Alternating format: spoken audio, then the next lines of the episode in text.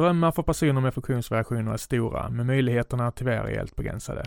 Detta vill Forshagaakademin ändra på genom en ny individanpassad yrkesutbildning på gymnasienivå. Läs mer på forshagaakademin.se. Den här podden presenteras av Maxi ICA Stormarknad ute på Bergvik. Känn dig varmt välkommen till oss på Maxi Karlstad, önskar Christer med personal. Tusen tack för att ni stöttar den här podcasten. Nu rullar vi vignetten.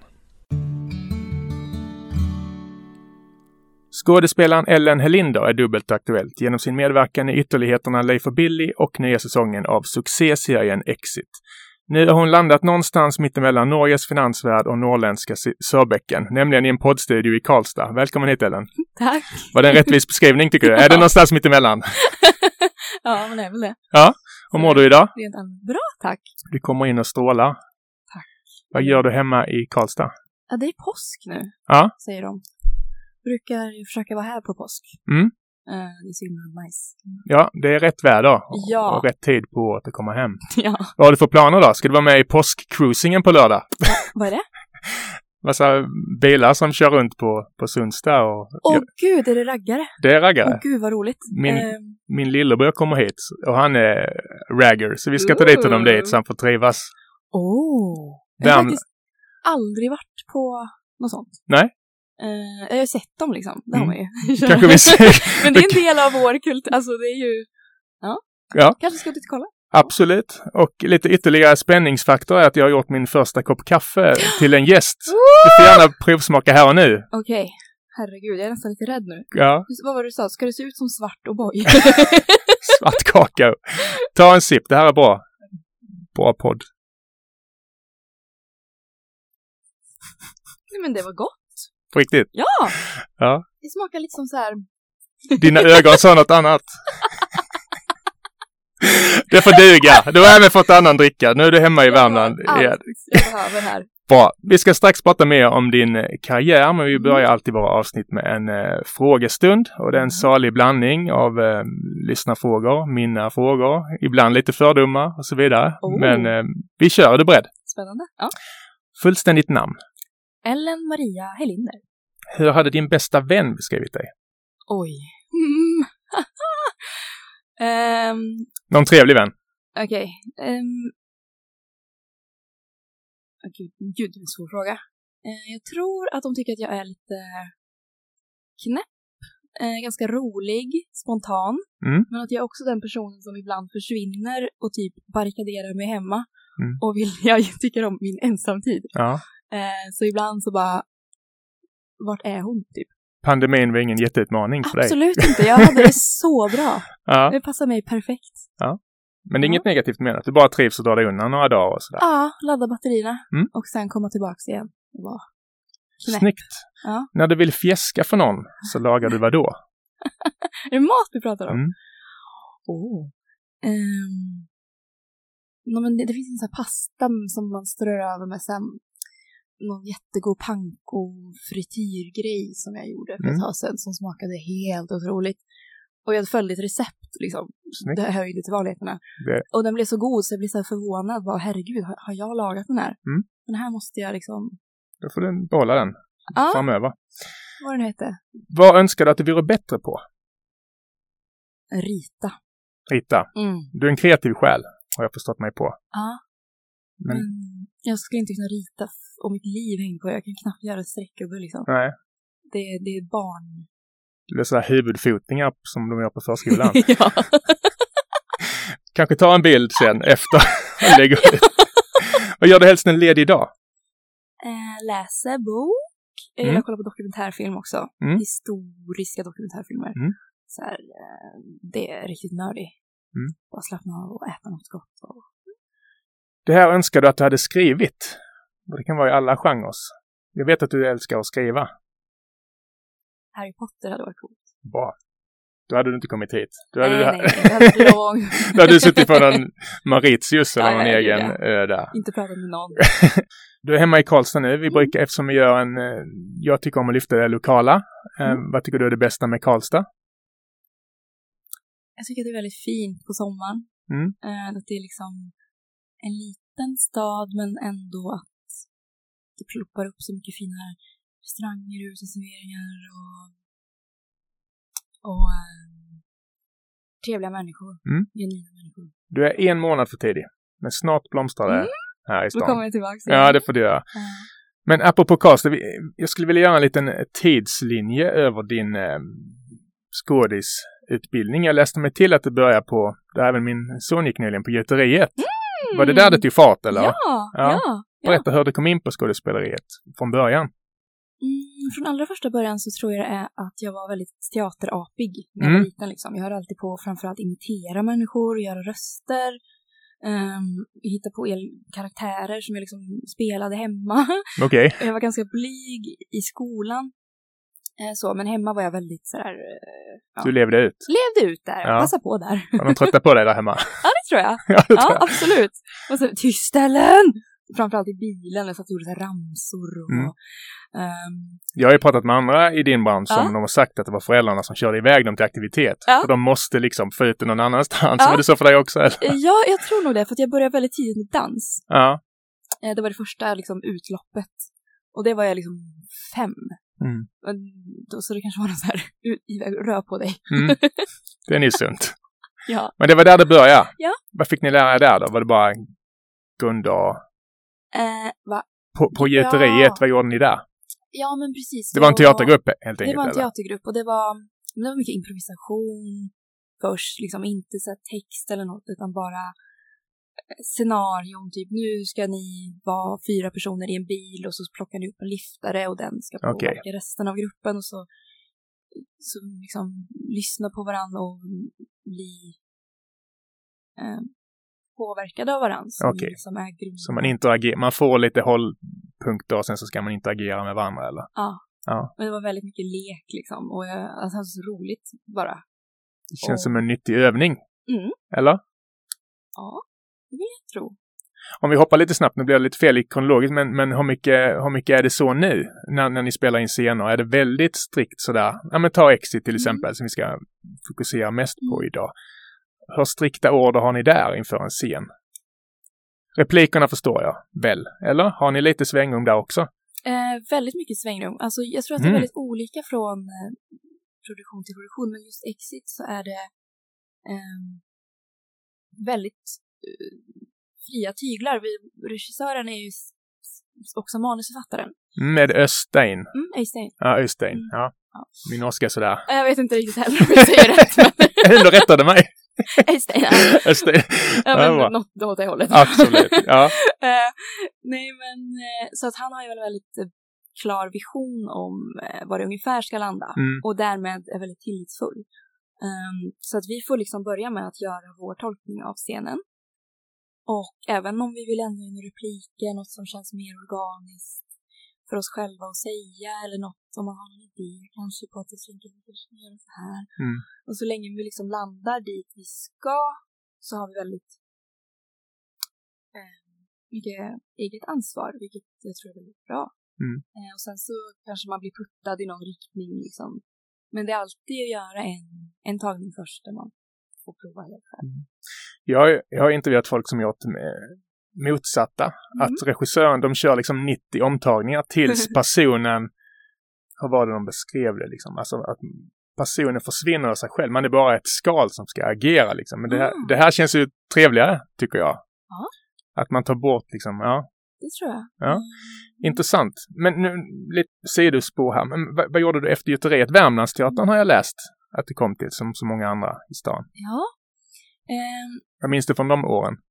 ja, men det var ju också sådär, för jag tog en liten paus där mellan gjuteriet och Värmlandsteatern. Mm. Vad gammal var du då? Ja, men jag började på Värmlandsteatern när jag var 16.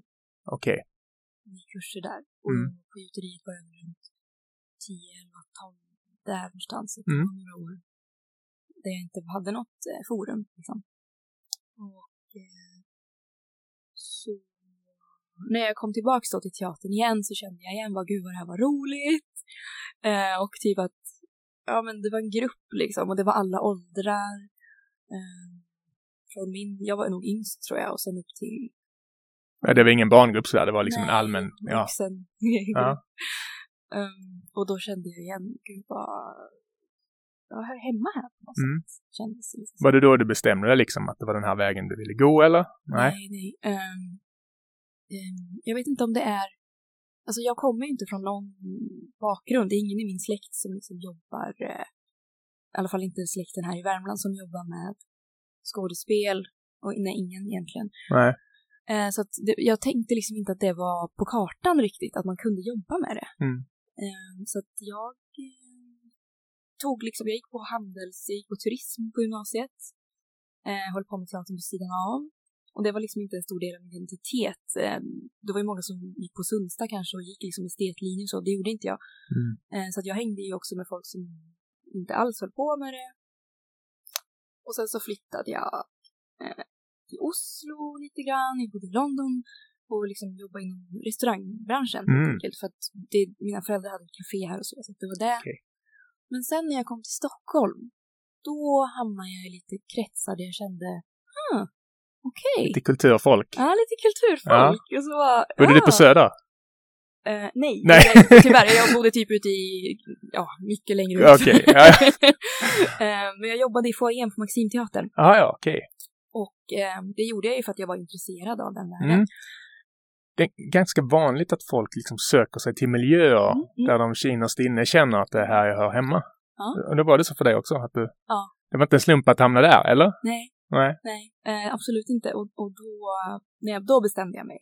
Då Mm. jag var 22, 23. Då kände jag, okej, jag ska bli skådis. Var det något speciellt ögonblick eller något speciellt möte som gjorde att du kände att nu? Mm. Jag började, jag började gå en kurs på Kulturama och så sökte jag via en hemsida till kortfilmer och sen så fick jag en roll i en kortfilm. Och då kände jag bara okej. Men vad var det för roll? Eh, det var någon liten roll i... Eh, alltså det var, för mig var det jätte, liksom, speciellt då bara att bli uppringd och säga att du fick rollen. Men det var, liksom, jag vet inte ens vad den hette. Nej, nej. Men ändå en kick. Verkligen. Jag sa det när, när Lisa Karlehed var att jag fick spela bakdelen på en häst min första roll och jag kände att nej fan, det här är inget för mig. Men jag tror det är viktigt att få liksom en bra start. Eller? Ja! Eh, eller i alla fall en start överhuvudtaget. Ja. Liksom att bara någon säger du får vara med. Hästen duger inte. Nej. Ja, men det var ju din lilla start. Nu sitter jag här. ja, precis. Men, men vad hände därefter då? Vad liksom kom, vad var breaket Åh. som kände att det här kan jag liksom leva på och så vidare? Men jag känner väl att det har varit massa mini-breaks hela Mm. tiden i och med att man känner ändå att markörerna alltid flyttas lite framåt. Mm. Ehm, även om det har gått ganska långsamt, vilket jag tror att det gör för väldigt många, så har det aldrig känts som att det går bakåt Nej. eller det här går inte. Så. Men alltså absolut när jag fick rollen i Exit, Mm. 2018 var det. Mm. Du, du hade gjort mycket innan och jag läste ju filmerna du har gjort. Det var ju många som inte hade en aning om att du varit med i Gåsmamman till exempel och så vidare. då, det var också lite sånt där mini-break för att det var ju liksom en riktig serie. För jag Mm. gjorde mycket kortfilmer Mm. och även reklam och musikvideos och liksom saker för att bara lära sig och knyta kontakter och synas på något sätt. Liksom. Mm. Men sen när jag, ja, Gåsman var ju sån där en riktig produktion. Liksom. Ja. När, var- men när var det? Det var 20, 2015. 2015. Mm. Jag tycker väldigt mycket om Gåsmamman. Hon blir så jävla stressad. Hon har det tufft, Alexandra. det händer alltid skit hela tiden. Kan man inte få en lugnt avsnitt? Men det är en bra serie. Ja, verkligen. Verkligen bra serie. Verkligen. Eh, vi ska alldeles strax fördjupa oss mer i eh, det som är mer aktuellt. Men när jag Mm. gjorde lite research på dig så, Mm. så, så blev det lite som att kontraster var en, en röd tråd. Mm. Alltså olika produktioner och vi ska prata om din dokumentärfilm om, om din bror och så vidare. När jag själv gästade en, en podd så var det en begåvad samtalsledare som sa att jag gillade att leva i ytterligheterna. Man gör sådana här intervjuer och sen nästa dag så skriver man om funkisfrågor och så vidare. Är det en beskrivning som stämmer in på dig också? Att du vill ha liksom hela, hela spektrat liksom? Ja, det tror jag. Du har gjort väldigt varierande saker. Det gör i och för sig de flesta skådespelare, men det var så tydligt i ditt fall tycker jag. Det kanske dels handlar om att mm, man har varit aspirerande länge och får ta lite där man får. Mm. För för att kunna jobba. Så, eh, men också absolut, jag tror att det är viktigt med balans. Mm. Eh, att man, som till exempel när jag gjorde filmen om Felix så var ju det någon sorts, grundade sig liksom väldigt mycket i det jag är och det jag kommer ifrån Mm. och bearbeta det och göra någonting viktigt. Jag brinner väldigt mycket för funkisfrågor också såklart. Mm. Um, så att liksom göra något som känns väldigt viktigt för mig personligen och de här jobben som, som kommer till en Ja. liksom, på något sätt. Som man inte... Hyran ska betalas och så vidare, eller hur? Det är inte Exakt. så att man kan välja och vaka heller hela tiden. Nej. Snart tyvärr. kanske. Ja. Skulle vilja prata om eh, Leif och Billy först och främst. Eh, Claes och Alfred levererar ju alltid. Jag har sett några avsnitt och tycker det är väldigt roligt. Alltså hur gick det till när du fick förfrågan där? ja, eh, det var faktiskt som så att jag var på en after work på ett produktionsbolag. Mm. Jag träffade en kille som jobbade med castingen. Mm. Så sa han, åh men gud jag har sett Exit, jag tänkte att vi skulle höra av oss till dig för jag sitter och castar Leif och Billy just nu och jag tänkte att du kanske skulle passa till en roll där. Mm. Så om du vill provfilma. Och jag bara, ja absolut liksom. Vi behöver en jordnära värmländsk tjej, Ja. eller? Ja men lite så tror jag. Lite så. Du tvekar aldrig? Nej. Nej? Nej. Du spelar glasmästare, eller hur? Mm. Visst är det så? Mm. Ja. Som inte går att pruta fakturan med, såg jag. Absolut Jag kollar på... Nej. Nej, nej, nej, nej.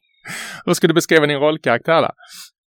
Ehm, jag skulle beskriva henne lite som en ehm, modern crazy cat lady. Ja. Om det finns omoderna sådana. Jag vet inte. Nej. Nej men hon är ju ung, relativt ung Mm. ändå. Men, ja men, bor i Norrland, bor ensam och har en katt som älskar. Du känns ju tuff och självständig liksom. Ja, Ja. men också kanske lite ensam liksom. För Ja. de hittar ju ändå varandra, tycker Mm. om varandra. Eh, och, men hennes katt är hennes bästa vän Mm. och ja, men gör sitt jobb och ordentligt. Och, Hur mycket är det du? Ja, inte så mycket. Så- jag, jag såg att de la också teaterföreställning till hösten. Mm, jag såg det också. Eh, eh, Det kanske kommer att krossas lite fönster där också. Kommer du vara med eller? Det är inget du får avslöja? Det är nog inte. Inte Nej. vad jag vet. Inte vad jag vet. Kanske kommer så småningom.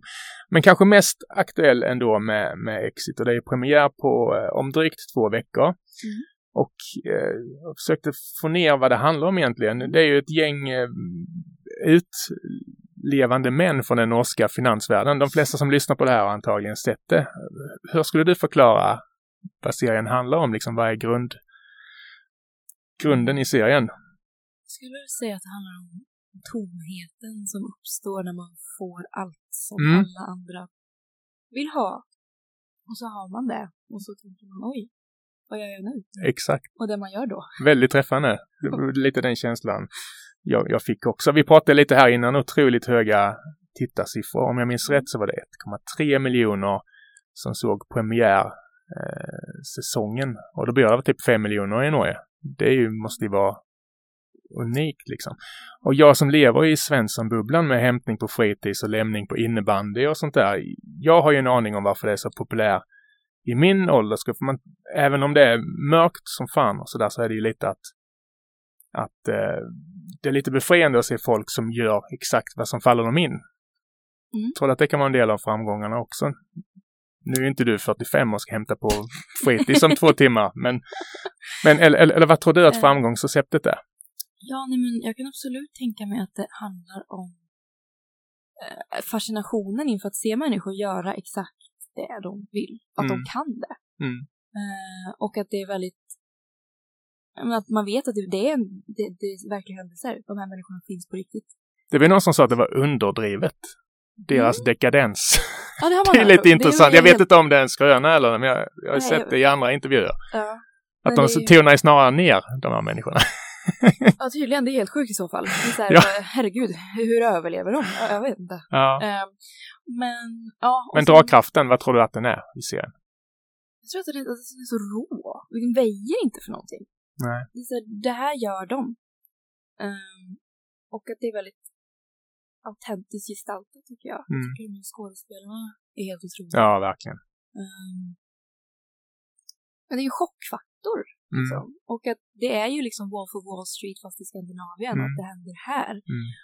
Ehm, ja, jag tror inte man liksom Det känns nästan som en, eh, vad ska man säga, som att läsa en serietidning fast det är på riktigt. Ja. Och det, ja, ja, det finns någon, någon spänning där som är speciell. Men din, alltså vi pratar om kontraster och din rollkaraktär karaktär Magdalena är ju verkligen en kontrast till de dekadenta finansmännen. Berätta om, om din roll. Det, har ju, det är ett allvarligt ämne som du lyfter med henne. Som du, vi pratade om här innan, att du var lite stolt över att kunna lyfta Mm. ett stort problem. Absolut. Ehm, Magdalena är ju ett trafficking-offer Mm. som kommer från Moldavien från början. Ehm, det är ju Europas största export. Eh, De flesta människor som kommer därifrån som blir traffickade. Och det är väl ett av de fattigaste länderna Ja, jag tror att det är liksom Europas fattigaste. Ja. Eh, jordbruksland egentligen, men många, många barn som hamnar på barnhem för att föräldrarna åker och jobbar utomlands och skickar pengar och då är de väldigt sårbara. Mm. Och då händer det här med att många sådana här låtsaspojkvänner kommer och säger till sina flickvänner då att jag ska ta med dig utomlands och du kan jobba som servitris eller bli Mm. modell eller och sen så blir de sålda. Mm. Ofta mycket till Italien till exempel. Ehm, och sen vidare ut i Europa. Så det är Magdalena. Mm. Och har varit i den här svängen väldigt länge. Hon har liksom hon var ung och flyttat i olika länder och sen så hamnade hon i Oslo. Mm. Och det är där vi får träffa henne. Eh, redan i säsong ett med det här med örat och allting. Mm. Eh, Den scen man aldrig glömmer. nej, Hur var den för dig? ja herregud. Nej men det var faktiskt, nu ska jag inte säga det var, det var ganska behagligt. Ja. Nej, men det var ju bara liksom, det är ju som att göra stunt på något Mm. sätt. Det är ju så, till exempel det här med att kniven åker in i dörren. Just det är ju filmat baklänges. Ah, Eh, Så att de höll kniven där och sen så drog de ut den ur dörren. Och Okej. sen så drar de det i reverse liksom. Mm. Så att, och sen så... ja, chockfaktorn. chock, ja. Vi gör det här, vi gör det här, vi gör det här och sen så är vi klara och så... När det är klart, är det klart liksom. Ehm, nej men så... ehm, ja, en väldigt ensam kvinna som liksom lever någonstans under samhället. Alltså hon finns ju inte på något sätt. Nej. Och de tar ifrån ID-kort och liksom identitet och så får... Så, de det, liksom. så du, har ju, du har ju extra press vet jag inte, men du har ju en viktig uppgift där och liksom att folk lyfter det här ämnet. Har du känt att det har liksom blivit, pratar du mycket om det i intervjuer och så vidare eller vad har du fått någon respons på, på det? Lyftsproblematiken. Det är ett jävla ansvar på dig nu. Ja, Ni förstår vad jag menar? Det känns ju som du har en viktig uppgift. ja, det är ju det, men jag vet inte riktigt. Alltså, jag tror, jag hoppas att det liksom kommer igenom till tittaren bara genom att man ser serien och det som händer. Mm. Um, Hon känns ju som en av de enda verkliga, alltså riktiga personer i serien. Mm. Min uppfattning i alla fall. Ja, vad kul. Ehm, det är ju lite, eller det är ju en väldigt motpol. Det är som att de andra lever i något sånt här låtsas-universum. Och hon kommer in som en, en riktig människa. Mm. Och ser det ur det perspektivet. Precis. Och jag vet ju, jag såg i, i, i en annan intervju att det är såklart en påfrestande roll. Jag gissar att för, förberedelserna var också, eller hur mycket kände du till om det här innan du tog rollen? För jag antar att du gjorde rätt mycket research på egen hand innan. Ja, nej, alltså nästan ingenting. Nej. Ehm, så jag gjorde ju massa research och blev helt förbluffad över hur, alltså, hur utbrett det är Mm. ehm, över hela världen. Och hur många som går det här ödet till mötes ändå. Mm. Ehm, och det var ju väldigt mörkt och hur, hur de liksom behandlas och hur de här ritualerna som man gör för att liksom bryta ner och Mm. eh, det var Ett tungt bagage att ta med sig. Såklart. Och jag, jag vet ju att i en intervju så sa du att när du kom tillbaks mellan, in, mellan scener och sådär så hade du med dig henne såklart. Och du, du kurerade dig med glad musik och var det kattklipp jag såg eller var det intervjuaren som la orden i munnen på dig? Alla orden i munnen. på mig. okej. Ehm, Men det var roliga YouTube-klipp i alla fall. Ja, det var absolut. Det var och liksom lite Westlife och sån här glad musik man lyssnade på när man var If I let you go. ja. Och såhär, uptown girl. Ja, up, ja, den är ännu käckare. Uptown. Liksom. Ja. Ja, det funkar bra eller? ja, det funkar. Eh, Ja. Men berätta. Vad var det för klipp då? ja, men typ bara såhär nonsens eller typ Rihanna is pregnant. Nej men alltså du vet såhär. Okej. s- Lite TikTok-klipp. Ja, som du vet bara så här. Eller typ makeup tutorials eller bilder på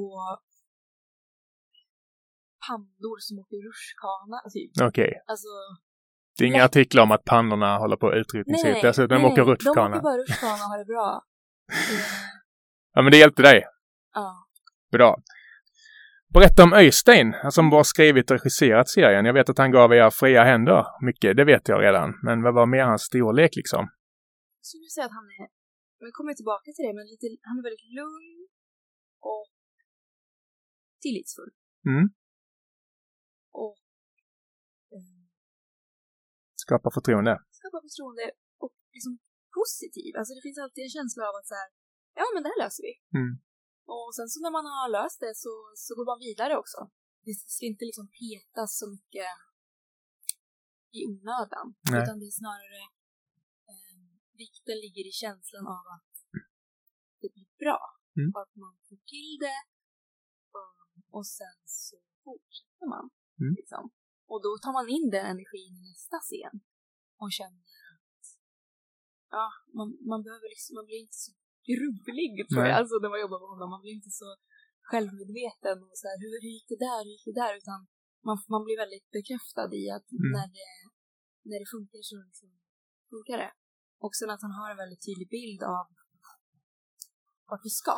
För han klipper också, alltså han sitter med i klipprummet hela processen. Så han är med Okej. både förproduktion, under och efter. Mm. Så att eh, han har liksom någon sorts klipparöga hela tiden också. Så att, Det är en jävla fördel, ja, såklart. jag tror att det är självsäkerheten kommer från att veta, nu har vi det här. Mm. Nu behöver jag inte mer. Precis, Då och då får man själv veta det. också. Ja, bra på att ge beröm också. Så Mm. tror jag hjälper alla. En intressant man. Jag får läsa på mer om honom framöver. Och jag vet att du har hjälpt honom lite, varit med och skrivit lite scener va? Mm. Visst var det så? Berätta. Ja. Det är ju smickrande och kul såklart, eller? Det är kul! Det får inte alla skådisar göra. Nej, kanske inte. Eller? Nej, men det var jättekul för att jag har alltid hållit på att skriva liksom. Mm. Eh, mycket. Och eh, så jag nämnde för honom någon gång. Och så sa han, jag behöver lite olika scener här nu i säsong tre. Skulle du vilja göra ett försök? Och eh, då sa jag, ja, kan vi försöka? Då får vi se. Ehm, Vad var det för input han ville ha då liksom? Ehm, I början var det i ett specifikt avsnitt så behövde han, eh, det var, skulle vara en fest. Så sa han, vi behöver massa crazy, crazy exit stuff. Mm. Ehm, och kan, kan du försöka liksom, det, ska, det ska vara en fest ehm, i Saint-Tropez. Ehm, och eh, då sa jag, okej, jag provar och så skrev jag bara en massa galna grejer liksom. Olika scener som kan hända på en fest i ett exit-universum. Mm. Och jag känner ju de här karaktärerna nu efter de här, man har läst manusen under åren, man har sett serien. Så jag skrev eh, och väldigt mycket av det kom med. Och sen var det någon gång vi behöver en slutscen på det här avsnittet för det måste sluta, det slutar lite för så här, det behöver komma mer. Så vi behöver skriva någonting till den här karaktären för den är mer åt det hållet. Kan du försöka med det? Så att jag har varit med och liksom pusslat lite grann på olika ställen i, i serien, i säsong tre då. Mm. Eh, Alltså ramverket är ju hans, och dramaturgin och allting. Men har duttat in lite saker. Ja. Spännande. Men apropå att eh, skriva och lite regissera och sådär. Vi Mm. pratade om det innan, att funkisfrågor är något som jag har jobbat med i många år. Och jag blev väldigt nyfiken när jag läste om din... Du har ju faktiskt gjort en dokumentärfilm. Min lilla storebror. Kan du berätta om det? Det handlar om din bror Felix, eller hur? Det handlar om min storebror Felix som är autistisk och förståndshandikappad. Mm. Och han är mm, tre- tre andra storebror. Och jag...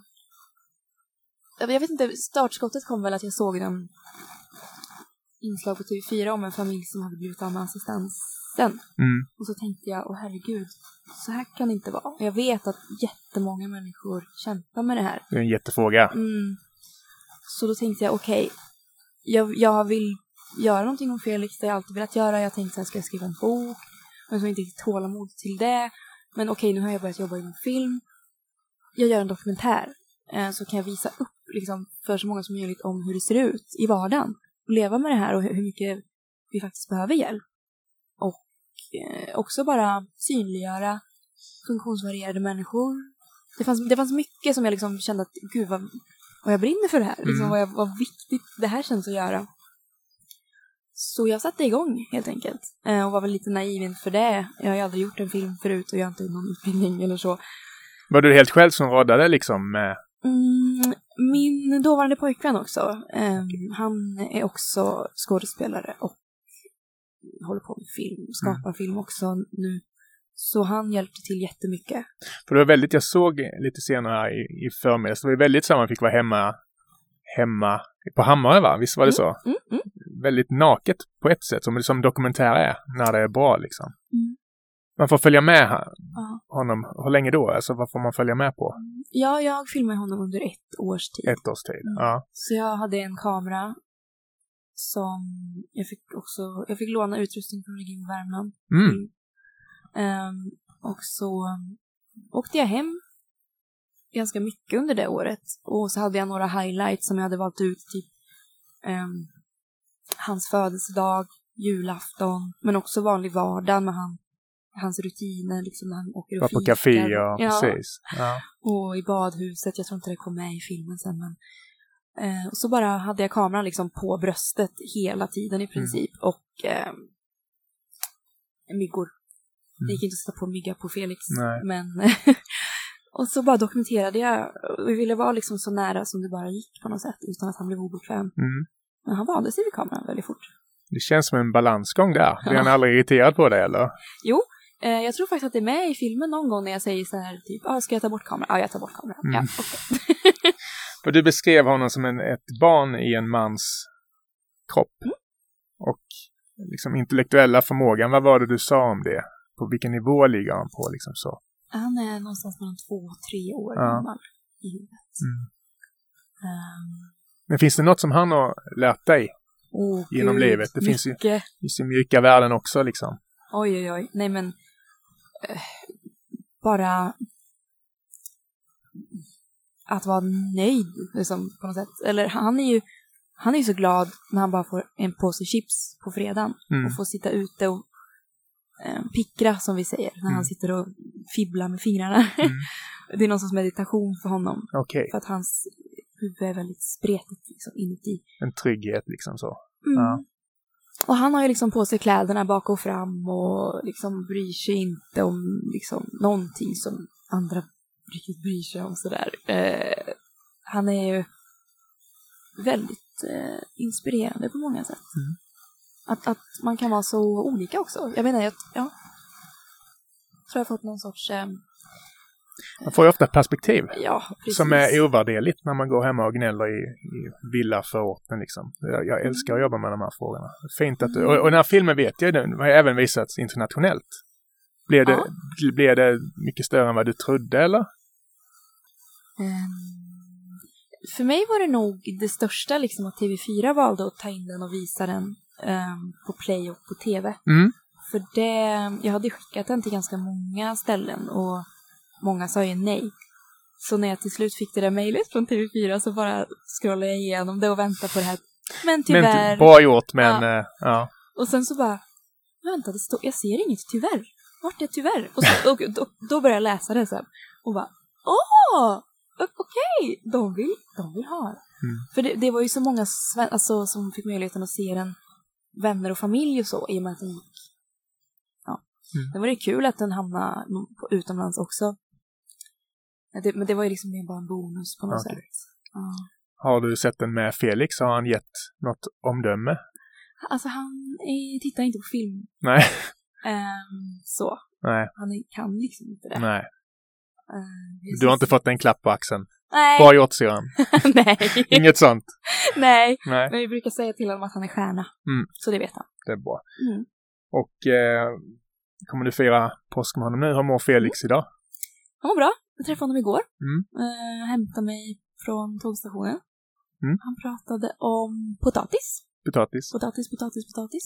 Är det chipsen han vill åt eller det finns en det jag på fredagskvällen? Jag tror att det är någon, att han är lite, införstådd med att påsken är på gång. Okej. Alltså när man äter potatis. Ja, ja. Spännande. Ja, vi har alla något att lära av Felix, Ja. känns det som. tror jag. Du Ellen, det var underbart att ha dig här. Ja, Eh. Exit har premiär den 21 april på SVT Play och vi är så spända inför den. Tusen tack för att du kom och stort lycka till framöver. Tack så mycket. Tack för att jag fick komma.